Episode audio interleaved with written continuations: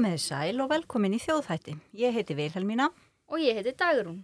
Hjá okkur í dag er Ragnir Mæsól Sturldudóttir, meistarnemi í þjóðfræði. Vertu velkomin Ragnir. Takk fyrir, takk fyrir að hafa mig. Hvernig kom það til að þú fórst að læra þjóðfræði? Sko, ég uh, kem á myndlist og ég var ofta að skoða svona kennslusgrár á háísin og þetta hljómar ekki alveg rétt, þú veist, ég var ekki ofta að skoða kennslusgrár á háísin. Það kom oft fyrir að ég var svona renn yfir nám og hérna mistranám og uh, myndlistið mín er mjög svona hverstagstengt og hverstagsleg og mikið áhuga á svona litlum hlutum í hversteginum og svo var ég með síningu á samt, ég er svona listakollektivi og við vorum með síningu í Hafnaborg og ég, við vorum sérst að rannsaka veðrið og svona alls konar vinkla á veðrið. Og ég var að rannsaka eða sérst verki mitt snýrist um svona byrtingamindir veðursins og eitthvað og meðal annars uh, orðanótkun yfir veðrið. Og þá dætt ég niður á hérna mestrarriðgerunars Eiriks Valdimarssonar um veðrið.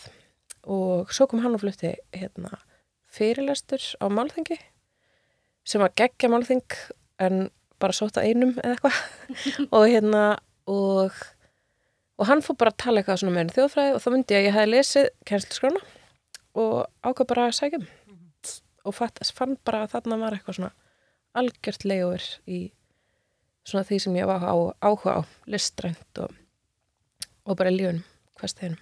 Og emmitt, hvað var það sem svona heitlaði þig að kveikti áhugaði?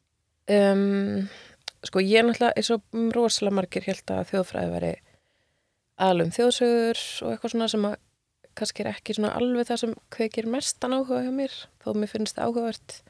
En það var bara svona að því ég fór að lesa eins og bara þú veist um efnismenninguna um hérna alþýðumenninguna um alla þessa áfangar sem fara bara svona inn í af hverju við gerum hlutin eins og við gerum.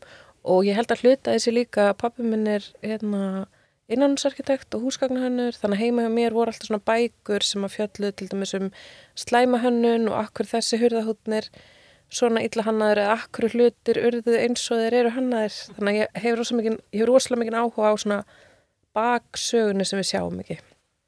Þannig að mér fannst það bara ótrúlega áhugavert að geta svona kafað rosa djúft í þannig efni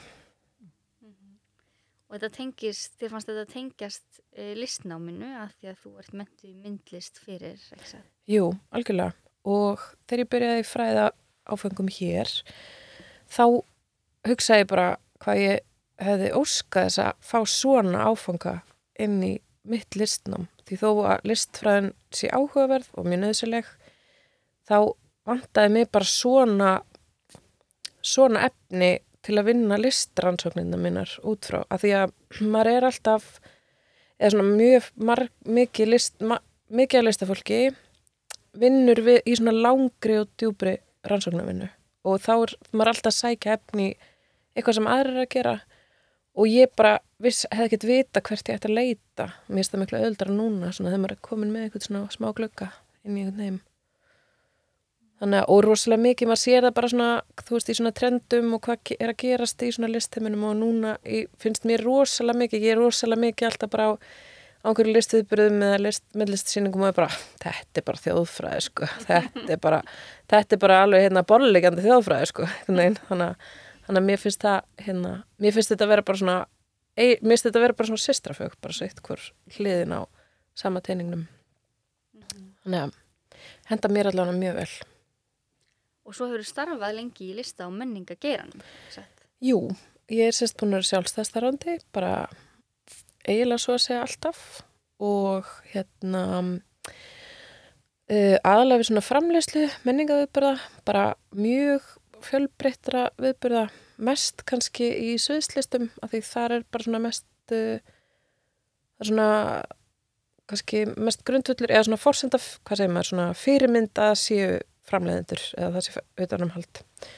Og svo á hátum líka. Og það er bara ótrúlega já, þetta er bara, ég var hérna listrætt stjórnandi hátíðar sem heitir listan landamæra listahátti fallara listamanna í mörg ár sem var frábær og vinna og bara, ég held ég hef seldan lært ég mikið á þar, en svo hef ég unni bara svona bara pínu litlum verkefnum og reisastónum verkefnum og einhvern veginn. Og svo fyrir árið síðan stopnaði ég lítið menningaframlöslu fyrirtæki með tveimur öðrum sem heitir Murmur Productions og við erum bara svona hérna, vorum öll búin að vinna í sitt grótni og erum að koma saman og svolítið bara svona reyna því það er engin, það er ekkit svona hér svona cultural production company eins og er erlendis. Þannig að við erum bara svolítið svona reyna átt okkur á hvar við getum verið og hvað við getum gert. Og sérstaklega fyrir verkefni að fá eftirlíf erlendis því að það er, svo, það er svolítið fátækifæri til þess hérna heima og lítið, svona lítið nýtt þannig.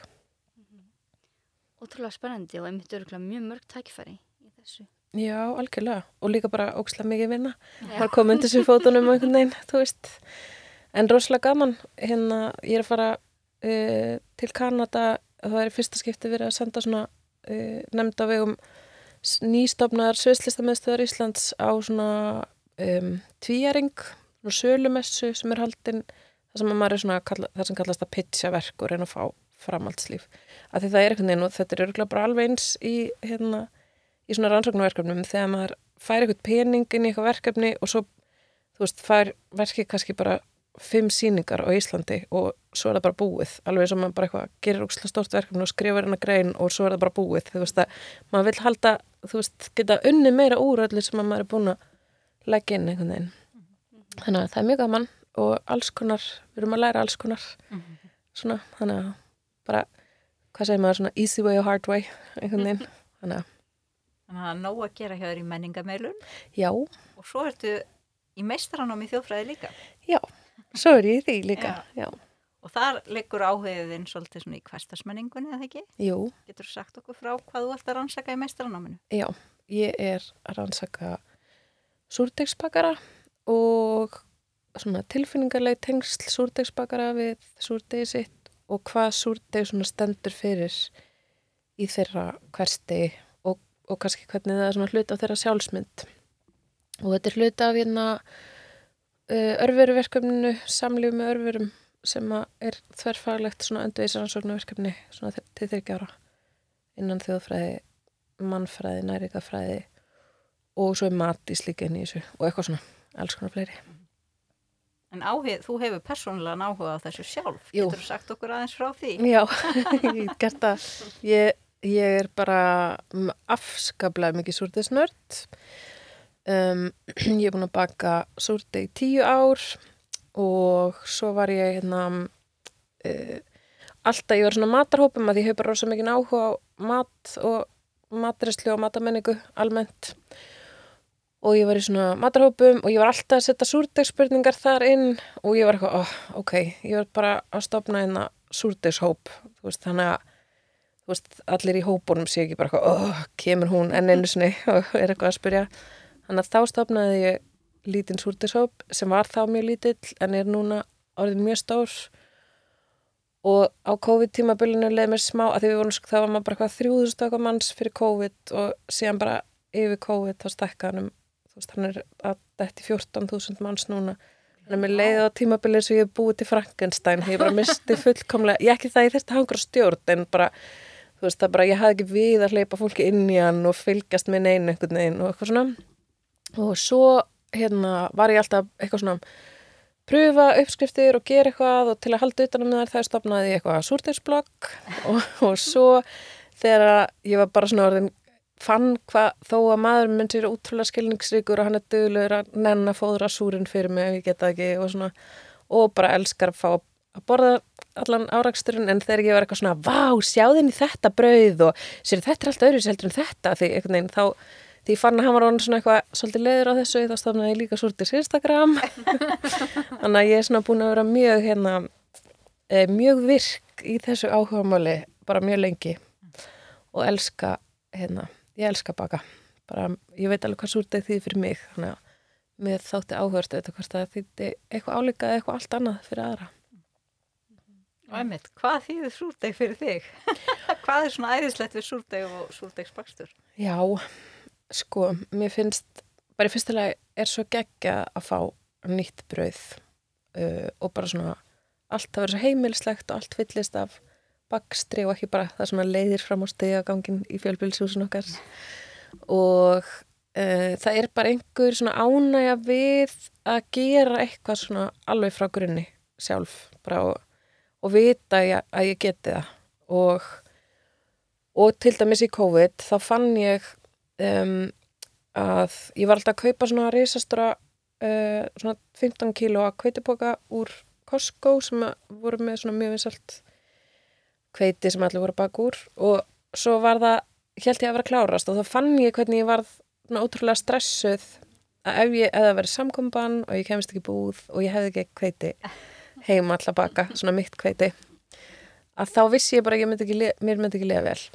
Um, að því að ég bara veit að þegar ég er sjálf þegar lífið er í góði jafnvægi og ég næja baka regla þá líður mér bara vel.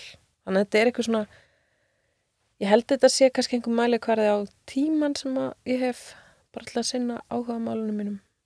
Svo er þetta einvera og þú veist, ég er rosa mikið félagsverð en mér stókslega gott að vera ein og já, bara sjá eitthvað svona þú veist, það er bara eitthvað svona geggi tilfinning að vera baka eitthvað og þú veist, pítsan er bara geggið og maður er bara, ég gerði þetta sko, þú veist, einhvern veginn. Ég get ekki alveg, hérna ekki alveg líst því, sko hvað, það er svona þeirri tilfinningu. Þannig að þetta er rosa mikil hugleysla í hversteginum fyrir mig og hérna og rosa mikið bara merkjum hvernig svona mín andlega líðan er. Þannig að já, En þú ert greinlega ekki einum það því að þú ert þessi risastór Facebook-hópur, það er greinlega margir sem hafa þennan áhuga eða deila þessari ástríðu. Já, mér er svo áhugavert sko um, við erum alltaf rannsaka örfurur í þessari stóru rannsók þannig að þetta kannski er ég þá svona vikar sjóndeldarhingurinn að sem að fyrir að hugsa meir um örfurur heldur en kannski svona vennilegur svona, hverstas, bara svona súrtisbagari en mér fannst svo ótrúlega áhugavert í COVID sem er náttúrulega svona um, örfuru slags bakteríu þú veist, vírus að ótrúlega margir að þetta var bara um allan heim þú veist, hérna, bara þetta rosalega súrtisæði og ég sá í Facebook-hópnum að fólk var að segja bara ok, það er hérna, ég bý hérna í Núri og bara allt kveitir uppselt og þetta kveitir sem ég hef keift og hvað, þú veist, hvað hefur bakað með þessu? Þú veist, þannig að það voru bara rosalega margir að sækja í hennan bakstur.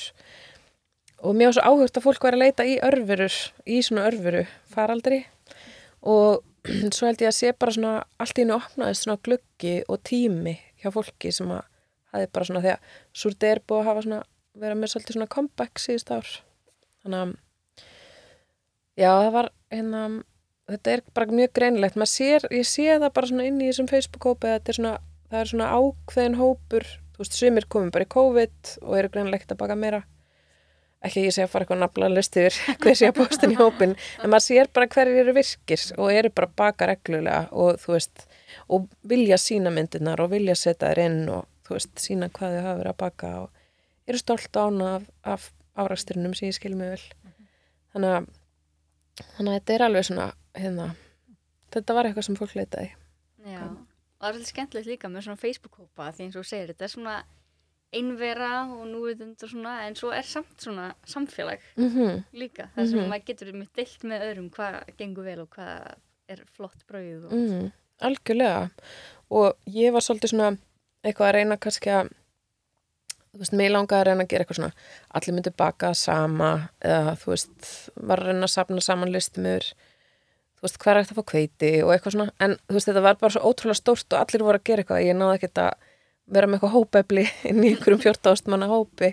En það var samt bara svo áhugavert að sjá um þetta, þú veist, hérna að þetta varður rosa mikið samfélag og ótrúlega gaman bara að sjá einhver að spurja og aðra að deila visku sinni og líka ókslega gaman að sjá fólk eru ótrúlega svona sterkar ólíkar skoðanir. Þú veist þetta, þú verður alltaf að gera þetta og þú mátt aldrei gera þetta og einhvern veginn, þannig að þetta verður mjög svona þetta var mjög líflegu vettfangur hérna og maður fann það bara í samkomubönnum. Þú veist, bara um leiða kom samkomubann þá var þann rosa virkur og svo bara þegar þú veist, opnaðist aftur þá svona var alveg virkni en ekki jafn mikil virkni og varnalega, svo bara loka aftur og þá bara byrjuði allir aftur að baka. Nú er allt í að ég er og þá er ég með að hugsa eitthvað, hm, hvað ætli sé að gerast núna? Eitthvað, áður en ég er eitthvað, ætli þetta sé rétt áður en jólastressi kemur eða þú veist, eitthvað, ég veit það ekki. Mm. En þú verður að skoða líka tilfinningaleg tengsl fólk við súrin. mm mm Jú, Og fólk á í mjög, getur átt í mjög sterku sambandi við súrin sinn. já, algjörlega. Og ég sem sagt uh, var að flytja fyrir lestur á þjóðarspeklinum um þetta og ætlaði að koma með súri minn og hérna en svo bara er svolítið að gera. Þannig að nú hef ég til dæmis ekki náða honum alveg reglulega. Þannig að hann var svolítið slappur og eiginlega bara svona slappar en hann hefur verið lengi. Og ég sérst búin að eiga sama súri 8-9 ár held ég. Og hann var alveg þannig slappur. Þetta var ég svolítið stressuð að því ég vissi þú veist, deadline var að koma það var að koma föstu dagurinn á þjóðspeklinum en hérna maður sér svona bublurnar í honum þannig ég sá að það var alveg smá svona, einhver smá virkni en það var bara einu eða tvær bublur. Þannig ég hugsaði kannski bara hann væri döður af því ég var búin að vanrækja hann svolítið. Og ég var bara svona raunverulega að vera bara, ég ætla bara ekki að hugsa um þetta ég ætla bara að halda áfram og komast bara, þú veist, ég retta bara retta þessu einhvern veginn fyrir þjóðarspegil sem enda á ég kom ekkert með súri minn. En ég var bara, ég hafði raunverulega ágjur tjekka á honum og gefa honum og gefa honum aftur á kvöldin og alveg bara, þú veist, var heima að heima heilan dag og bað mannum minna senda mér mynd af súrnum. Þú veist, að þetta hefur bara svo mikil áhrif. Og svo fór ég sérst og fekk afleggjara af súr hjá vinnum mínum sem er með súr sem ég gaf honum. Og hann á heima bara rétt hjá mér og ég var að labba heim og ég held svona á krukkunni og ég horfði svona á hans súr og var eitthvað svona, já, þetta er samt ekkert minn súr lengur, þetta er eitthvað, þú veist, það fór ég bara í gegnum allt þetta einhvern veginn að, hérna, hvað myndi gera, gera fyrir mig ef ég myndi missa hann, sko. Og þetta bara endur speglast rosalega mikið í viðtölum hjá fólki sem ég er að taka. Og þú veist, ros, það er einhverju sem segja bara, æ, hann bara drefst og þá ger ég bara nýjan. En það eru bara örfáir, sko. Og fólk segir eiginlega alltaf bara, ég hérna þú veist, það, ég er búin að eiga hann svona lengi eða þú veist, ég átti súr og ég mista niður og þá fór ég og fekk súr frá sama og ég hefði fengið fyrsta súrun frá, eða svolítið, þú veist, þannig að það leggur einhver svona vikt í þú veist, akkurat þennan súr sem það er með í höndunum. Þannig að það er svolítið áhugavert.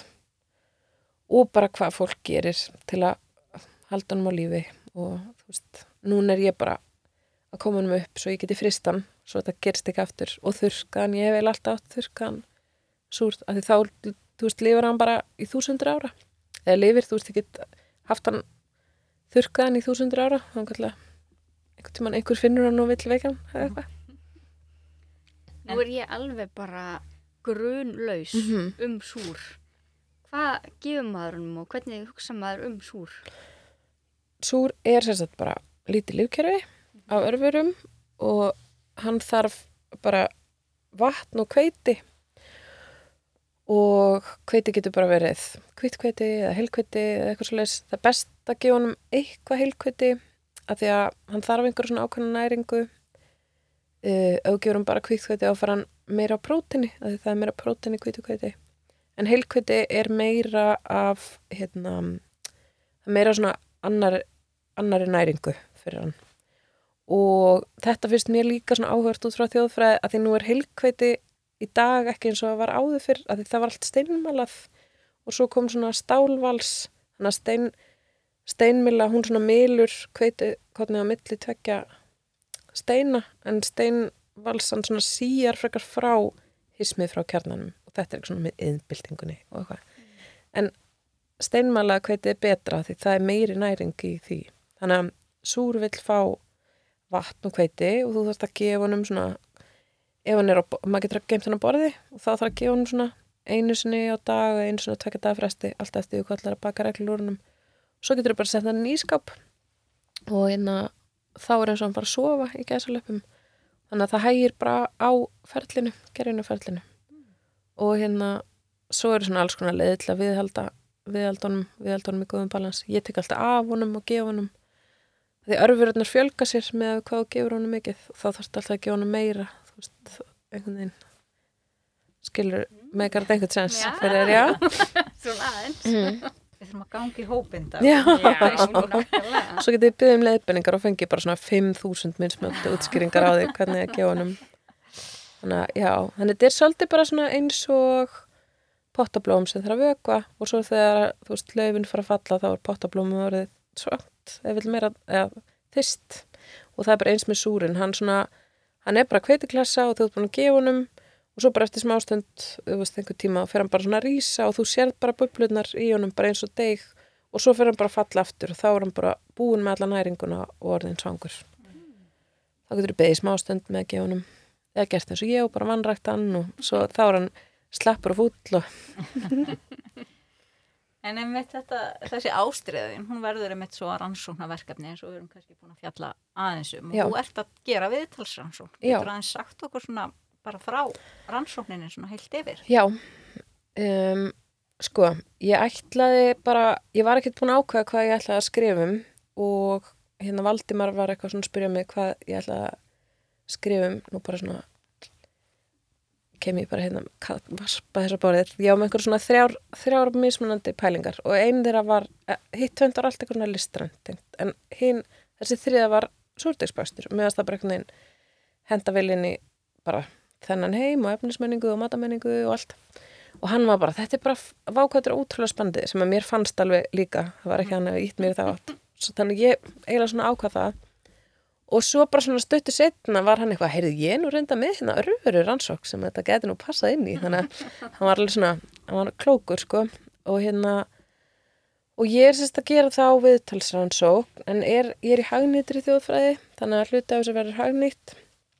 Þannig að ég er að taka eiginlega rannsók eiginlega viðtöl við súrdegsbakara og ég er með kríterju þannig að þau verða að vera búin að baka ég helsta lámarki þrjú ár af því það er bara svona svolítið svona upphafstími þar sem bakarar eru oft rosalega stressaðir og þetta er náttúrulega lifandi og hérna, súrin hef, getur hefða sér alls konar hátt og um, það eru rosalega, það er engar það er ekkert svona bara ein rétt leiðbynning að því hvernig þú átt að hérna, viðhalda súr. Og ég segi kannski eitt og svo fer þið að tala um einhvern annan og hann segir bara eitthvað allt annað. Þannig að maður þarf svolítið að finna svona sinn eigin takt og rytma og eigin leið bara baka svolítið með innsæðinu og átt að segja á því.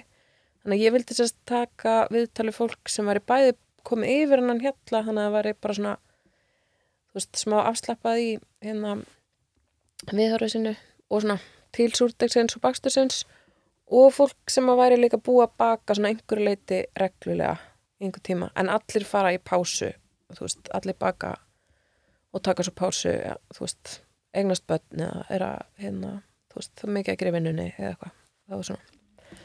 Og e, ég er búin að taka viðtalið sjö, mér langar að taka viðtalið aðeins fleiri. Um, ég er til dæmis ekki búin að taka viðtalið hérna, neitt atvinnufólk sem að væri alveg áhugavert af því að ég held að sé þú veist, það er bara eitt fyrir mig að baka heima og bröðið mitt verður bara einhvern veginn en þú er eitthvað bakari og hérna það liggur svo mikið undir. Þú veist, öll bröðin verður að vera eins og þetta fá viðskiptavinni sem er að koma að kaupa bröðin til að hafa það eins þannig að ég, mér myndi finnast það mjög áhugavert. Uh, svo er líka bara svolítið svona ég þarf aðeins að skoða bara svona ég væri til í öll kyn mandar fleiri hérna. Ég bara komið tvö kyn. Og um, þetta er í augnablikinu allt Íslendingar þannig ég þarf að, ég er svona, þarf að huga þess að fjölbreytni fjölbreytni og já, svo kannski myndi ég fara, er ég svona velta fyrir mig hvort ég að fara einhverja vettfangsrannsókn uh, spurningin er hvort það nýtist inn í rannsóknuna mína eða hvort að það sé bara svona að ég sé þá að nýta tækifærið eh, fyrir minn eigin nörda áhuga.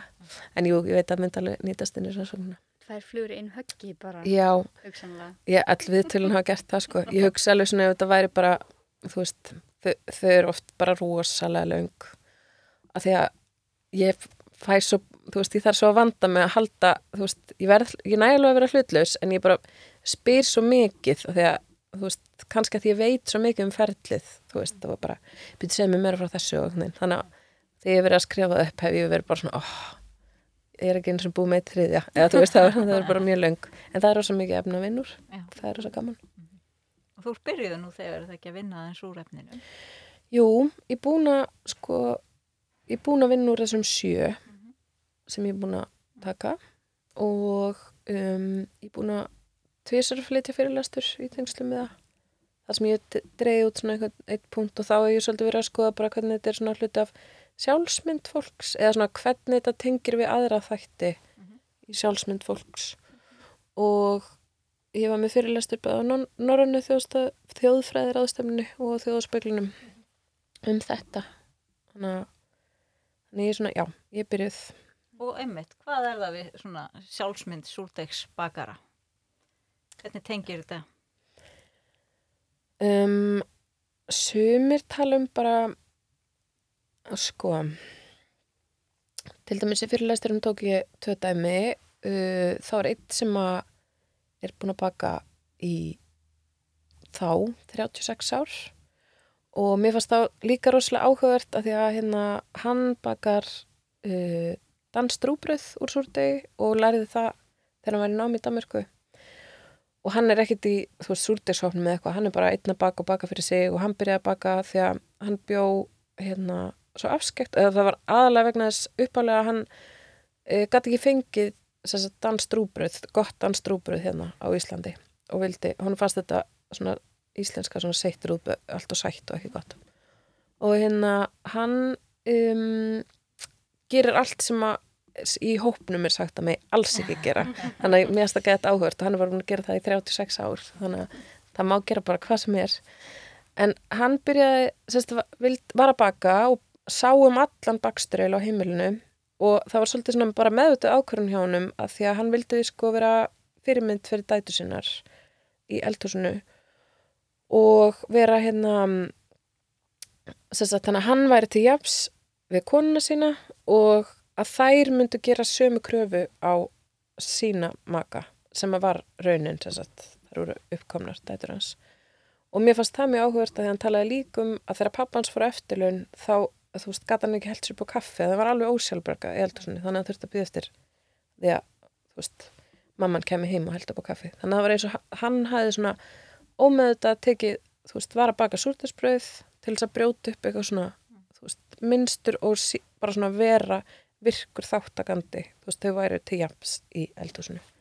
Þannig að mér fannst það, það er svona mjög áhugavert, svona eitthvað svona ótrúlega kvestaslegt sem að er í svona stóru samengi og hérna um, svo eru mjög, mjög margir sem tala um svona að það skipti þau máli að vera sjálfbjörga og að hafa möguleikan á að þú veist, rækta eigi græmiti eða að þau bara geti, þú veist það sé svona, þú veist, þau vilja tala mörgum að þau til dæmis áður en þau ringi smið þá reynaðu að laga hlutina sjálf, þannig að það er eitthvað svona sjálfstæði, þetta er hluta einhvers konar svona sjálfstæði fyrir fólk að geta baka eigi bröð og vera ekki háður bakar í um, svo talaði fólk líka um þetta í teng, svona meira í tengslu með fóröldra hlutverkið og einn sem hafi hérna verið að baka mikið áður en hún egnaðist börn og,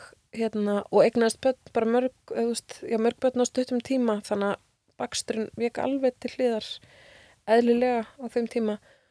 En nú var hún aftur að fá rými til að baka og þá fannst henn hún vera svona tengjast við sig hvernig hún var áður en hún var móður og finna svona aftur svona já, hér er ég, þú veist, ég er ekki bara einhvern veginn svona hérna svona umönnunar aðli þannig að og allir, allir baka líka því þau vilja gefa með sér. Og það er mjög áhverst að tala allir um að gefa brauð og bjóða fólki í mat og gefa fólki með sér. Þannig að þetta er hluta einhver svona svona hérna, hvað segir maður, svona ég deili eða svona, þú veist.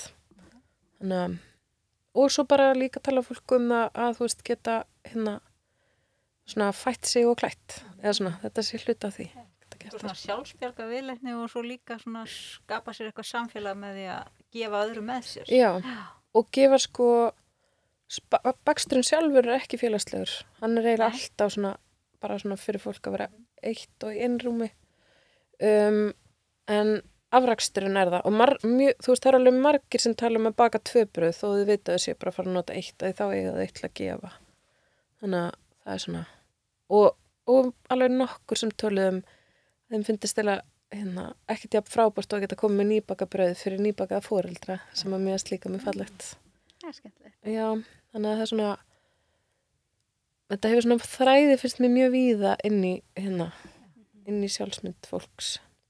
Og svona og það samræmist rosa mikið svona öðrum ákverðunum í þeirra lífi. Þú veist, þau, einmitt, mjög margir mjög mörg þeirra að rækta eigramiti eða þau eru öll svona að hugsa um veist, næringuna úr matnum og, og þau tala öll um einhverju svona umhverfismeðutönd og svona, þannig að þetta er svona hluti af einhver svona þeirra svona lífsheimsbyggi veginn.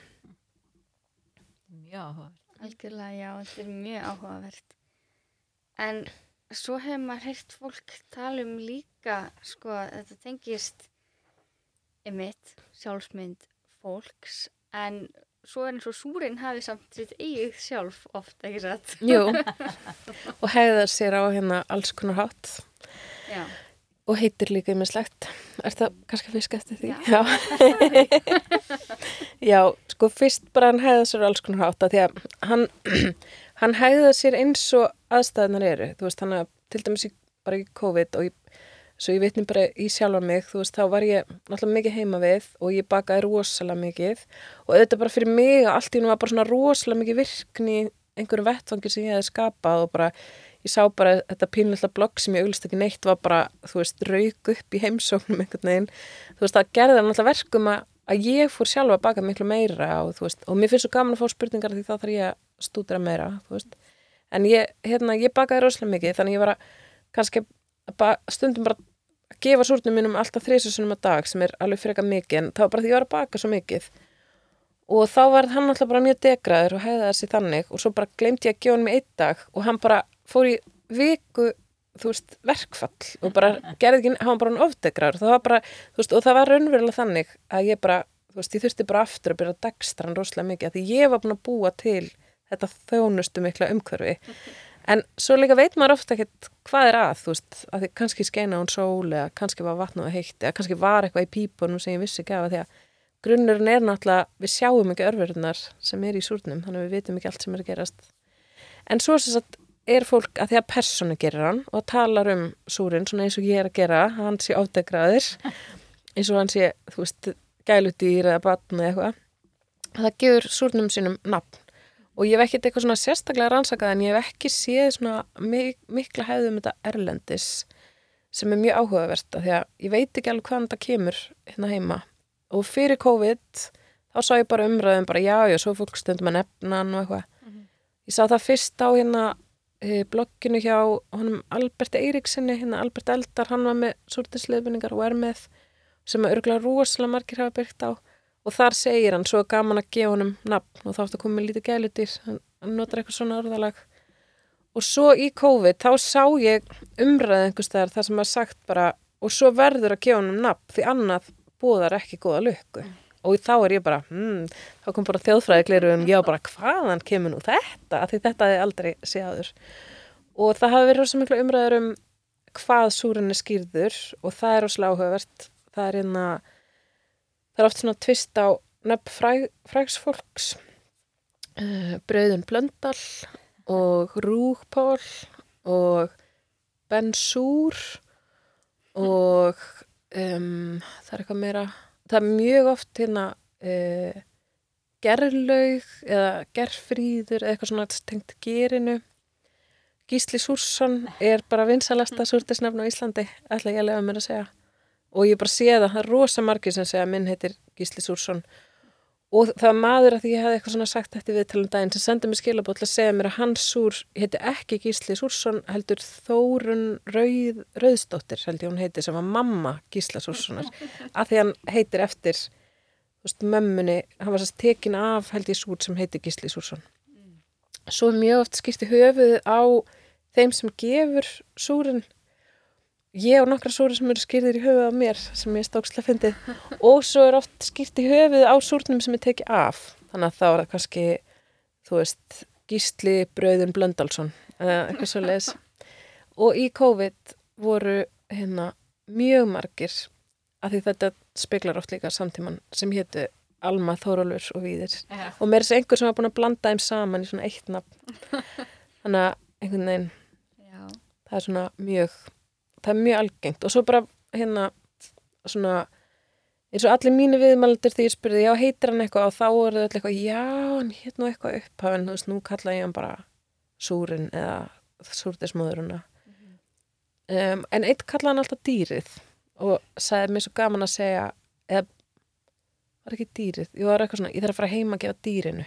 Eins og að vera svona órætt og þá var fólk eitthvað ha, hvað dýrist með Nei, En líka að þú segir þessu oft skýrðir í höfuð á og Íslandingar eru náttúrulega miklu ættfræði nördar. mm Það hljóma eins og það skýlir sér líka í súrdegsbaksturinn. algjörlega. Og það er líka rosalega áhugavert. Að því að við eigum náttúrulega ekki langa bröðsögu hér. Og, og það er bara svolítið erfitt að finna veist, hvaðan fyrsti súrin kemur. Af því að við vorum náttúrulega bara miklu meira kannski að gerja skýr eða eitthvað svoleiðis. Og hérna en að því sko uh, þú veist, það eru sögur um súr sem er búin að lifa af í hérna marga, margar aldir eða súr sem kom með flóttamönnum í fyrir heimstyrjöldinni eða eitthvað í bandarækina sem er tóku súr og smurðunum í, veist, uh, í hérna vasaklútin sinn og til að halda honum þurrum og svo komið til bandarækina og, og hérna leta hann aftur lifna við að því það er einhvers fjölskyldisúr og það er svona algengt, kannski algengar í Európu að það er svona fjölskyldisúrir sem eigi einhverja stóra sögu og hérna og svo hafa dúkka upp svona svona sú, súrar, súrir á Íslandi.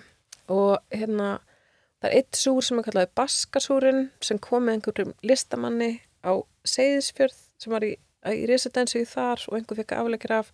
Og svo heyrir maður svona fólk verið eitthvað, já ég er sko með Baskasúrin eða eitthvað svona, það verður eitthvað svo leis svo er einhver sem kom með súr frá bandaríkjunum sem var kallið, held ég heilug fransiska, frekar hann heilug Teresa. og þá er einhverju sem áttu hérna þann súr, einn viðmælda minn hafi blandað þeim súr út í sinn súr og þá varð súrin rosalega res þannig að hérna það er svona, og svo er hérna uh, á Ottomatús á höfni hjónafyrði, þar er Alaska súr sem er að það er svona eina af fræðiritkinu sem ég hef fundið.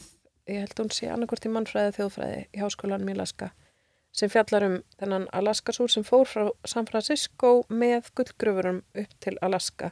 Og þeir voru ekki að baka þennan hvíta hleif sem við erum að alltaf að sjá heldur bara eitthvað svona svona skonsur á pönnu og það hafa bara rosa súra því þeir gátt ekki að gefa honum reglulega ásleis og hérna það er svolítið frægur súr og Valdimar átti þess að held ég fekk afleggera frá einhverjum og gaf þessum hérna sem á Ottomatús þann afleggera. Þannig að hann á þannig að Alaska súr sem ég er mjög spennt að við langar svo mikið að fara að hitta hann súrin og hann sem á. Þannig, að, þannig að það er alveg svona hérna, og fólk rekur alveg svona þú veist hérna ég, ég á þennan súru, ég fekk hann frá sem að fekk hann frá, bli bli bli eitthvað svona. Og ég finn það sjálf, ég fekk afleggera af súr og mér er svo leiðilt að veit ekki meir um hann þú veist, ég bara veit ekki hvernig hann kom þannig að Já, en nú ættu þú að hugsa um að vinna hægnýtt verkefni um þessa rannsók Mhm. alla saman. mm -hmm. Þú búin að ákveða hvernig þú ætlar að miðla þessum fróðleik um súrdegið? Nei, ekki alveg, þetta er mjög góð spurning. Sko, ég er búin að fara svona í gegnum held í alla, allar útfæslur, hvort þetta ætti að vera útastáttur, eða hvort þetta er að vera ljósmyndasýning, það er svona miðl vinn mikið í listrænt, en mér finnst bara að þetta er svo skinnrænt og þú skinnjar svo mikið þegar þú ert að baka og þú veist, það er lyktabrauði og þú hérna, heyrir í því og, og það þú bragðar á því og allt svo leis að það þurfa að vera einhvers konar skinnrænt svo fórum við á námskeið hjá manni sem heitir Sandor Katz sem er svona svona ultimate gerjunar kongurinn eiginlega. Og hérna hann gerir bara allt hann, veist, og þá voru, þú veist, við vorum að gera súrkál og kimchi og kombucha og alls konar og þá er svo mikið að hugsa að þetta þyrfti að vera eitthvað svona sem að maður sest niður eða eitthvað svona Þannig ég hugsa að þetta verður eitthvað performatíft, það er svona, þú veist, ég vinn í sjónrænt og performatíft. Um, og svo er ég mikið búin að hugsa að því að í öllum rannsóknunum, öllum þáttunum í þessari stóru öndvegisrannsókn, þá tala eiginlega flestir um að þeir hugsa ekki um örfurnar. Þannig að þeir sem er að hérna, molta er ekki að hugsa um örfurnar og þeir hugsa kannski meira bara um orma eða maura eða eitthvað svo leis og eiginlega allir sem ég talaði við voru eitthvað svona, ég, þegar ég spurði eitthvað, hugsaði eitthvað um örverðuna, voru eitthvað, "Mm, já, þú veist, ég veit að ég eru þarna, eða eitthvað, nei, hef aldrei spáðið þeim og þú veist, það var bara eitt sem eitthvað svona hugsað um þær og hún hefði verið í örverufræði, þú veist, þannig að hún bara hefði svona þekkingu á því. Og ég held að sé að því við sjáum þær ekki og þú veist, við sjáum ekki örverðunar þannig að ég væri svo til í að hérna, geta svona tekið þær einhvern veginn og þú veist gert einhvers konar presentation til að svona stækka þér þannig að maður geti komið inn í eitthvað rými. Þannig að þetta verður alveg öruglega einhvers konar svona svona, hvað segir maður svona síning sem blandar saman mörgum miðlum. Um, og það var alveg gaman ef þetta verður kannski bara eitthvað rými. Nú segi ég bara eitthvað mjög óabyrt um eitthvað sem ég gerir kannski, kannski ekki. Ef þetta verður eitthvað rýmis þar sem er veist upplýsingar um súr og þar getur verið hægt að þú veist eða var eitthvað svona hægt að koma saman og borða súr, súrdesbröð eða eitthvað svoleiðis, ekki súrin, heldur bara súrdesbröðin, árasturinn. Og ég vil bara læra að gera súrdesbröð eða eitthvað svoleiðis, þannig að þetta er eitthvað svona lifandi. Ég hugsa það sko, um, en ég segi þetta án allar ábyrðar, kannski breytist þetta. Þetta hljómar samt mjög vel. Já. Þetta er mjög spennandi. Já. og líka hérna finnst mér gaman að þú vorst að leggja heilmikla vinnu og rannsókn og, og miðla því einhvern veginn öðruvísi heldur um bara í rítgerði eða rítuðu máli Já, algjörlega, það er bara, ég held að það sé bara mjög nöðslegt fyrir mig líka, bara svona óbakurinn minn, hérna, um, að því það, það bara svona, allar greinarna mínar eru svona, þú veist, að ég les og króta svona í þær eins og flestir örgulega, en ég þarf líka að fara í gegnum þar að því að, þú veist, ég skrifa svona hugmyndir þar svona, þannig að ég hef búin að vera svona að fara í gegnum þar og sapna svona, mm, kannski er þetta ekt og þetta ekt, og þetta verður náttúrulega alltaf mjög stórt að manni langar að gera allt, þannig að, já, Já, það er gaman að fylgjast með allan. Já, ég vona það. algjörlega. Heyrðu, takk kærlega fyrir að koma til okkar. Já, takk fyrir mig. okkur Frá þessari rannsók. Já, og takk hlustendur fyrir að hlusta. Verið þið sæl.